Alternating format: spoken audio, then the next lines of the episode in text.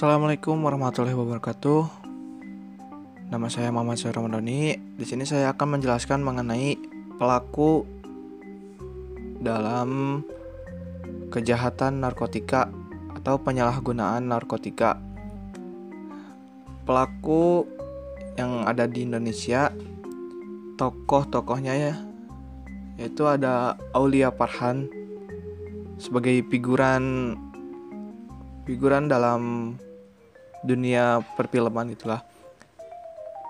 Aulia Parhan dikenal sebagai bintang sinetron Anak Langit ditangkap pihak kepolisian di Hotel Amaris, Mampang, Perapatan, Jakarta Selatan, Kamis 20 bulan Februari 2020.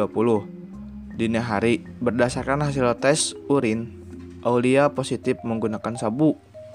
Kepada polisi, Aulia juga mengaku telah mengkonsumsi sabu sejak 6 bulan lalu. Yang kedua ada Lucinta Luna.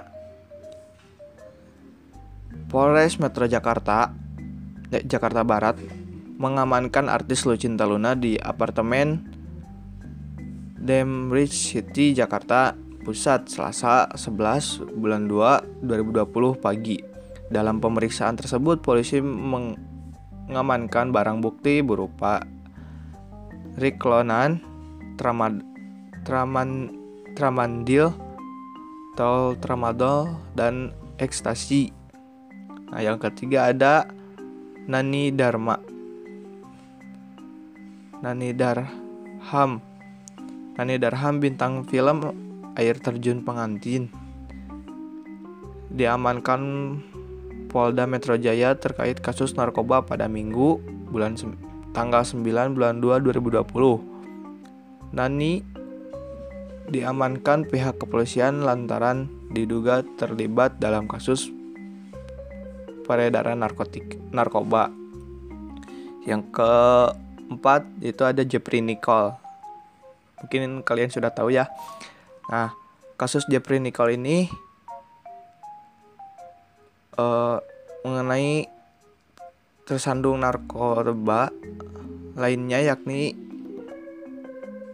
dengan ada penangkapan bintang film ini sempat membuat gempar halayak. Jepri diamankan pihak kepolisian di kawasan Kemang Timur, Bangka, Jakarta Selatan, Senin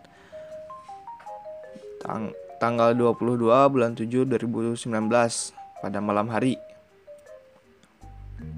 Nah, berita tersebut dilansir dari suara.com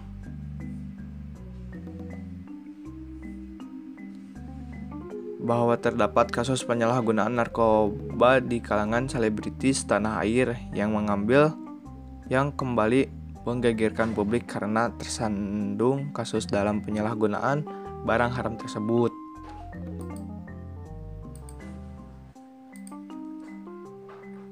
Nah,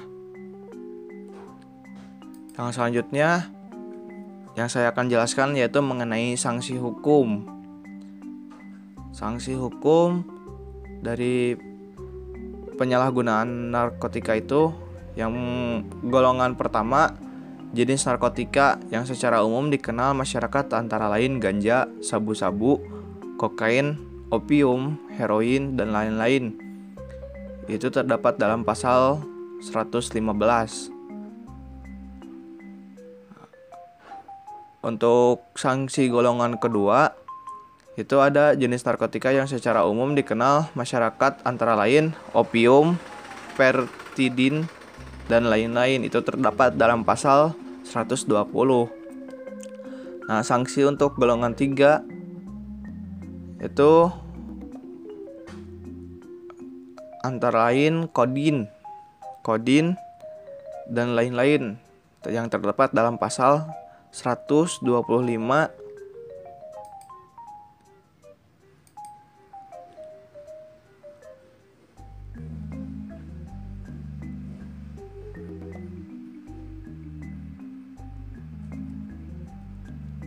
Nah, untuk golongan 3 itu uh, mendapat sanksi 2 tahun paling lama 7 bulan. Eh 7 tahun. Dan pidana denda paling sedikit 400 juta rupiah. Dan paling banyak 3 miliar rupiah. Untuk golongan kedua yang terdapat dalam pasal 120 di mana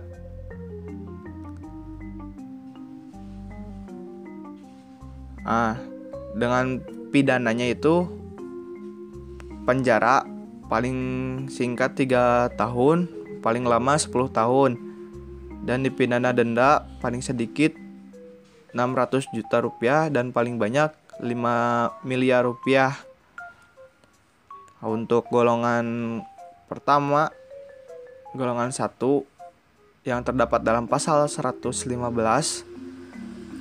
dipidana dengan penjara paling singkat 4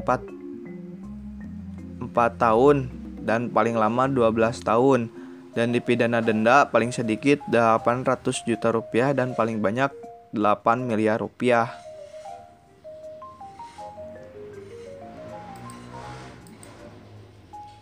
Nah, untuk kasus narkoba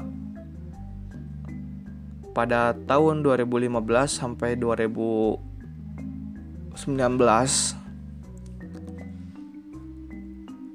ada kenaikan dan penurunan untuk total kasus narkoba pada 2015 yaitu sekitar 2150 untuk 2016 827 untuk 2017 914. Untuk 2018 itu ada 900 952 dan untuk 2019 ada 894. Untuk total tersangka kasus narkoba pada 2015 itu terdapat 2000 734 kasus uh, tersangka dan pada 2016 1273 tersangka narkoba dan 2017 ada 1300 kasus narkoba. Untuk 2018 itu ada uh, 1390 kasus narkoba dan pada 2019 ada 1361 tersangka kasus narkoba. Nah, untuk total pasien penyalahgunaan pada 2015 ada 4 pasien, pada 2016 ada 132 pasien penyalahgunaan, pada 2017 ada 8 8000 282 pasien penyalahgunaan. Pada 2018 ada 6.637 pasien penyalahgunaan dan pada 2019 ada 6.917 pasien penyalahgunaan. Nah, mungkin segitu saja pemaparan dari saya mengenai materi dari penyalahgunaan narkotika bagian saya. Mohon maaf bila ada kesalahan. Bila topik wal Wassalamualaikum warahmatullahi wabarakatuh.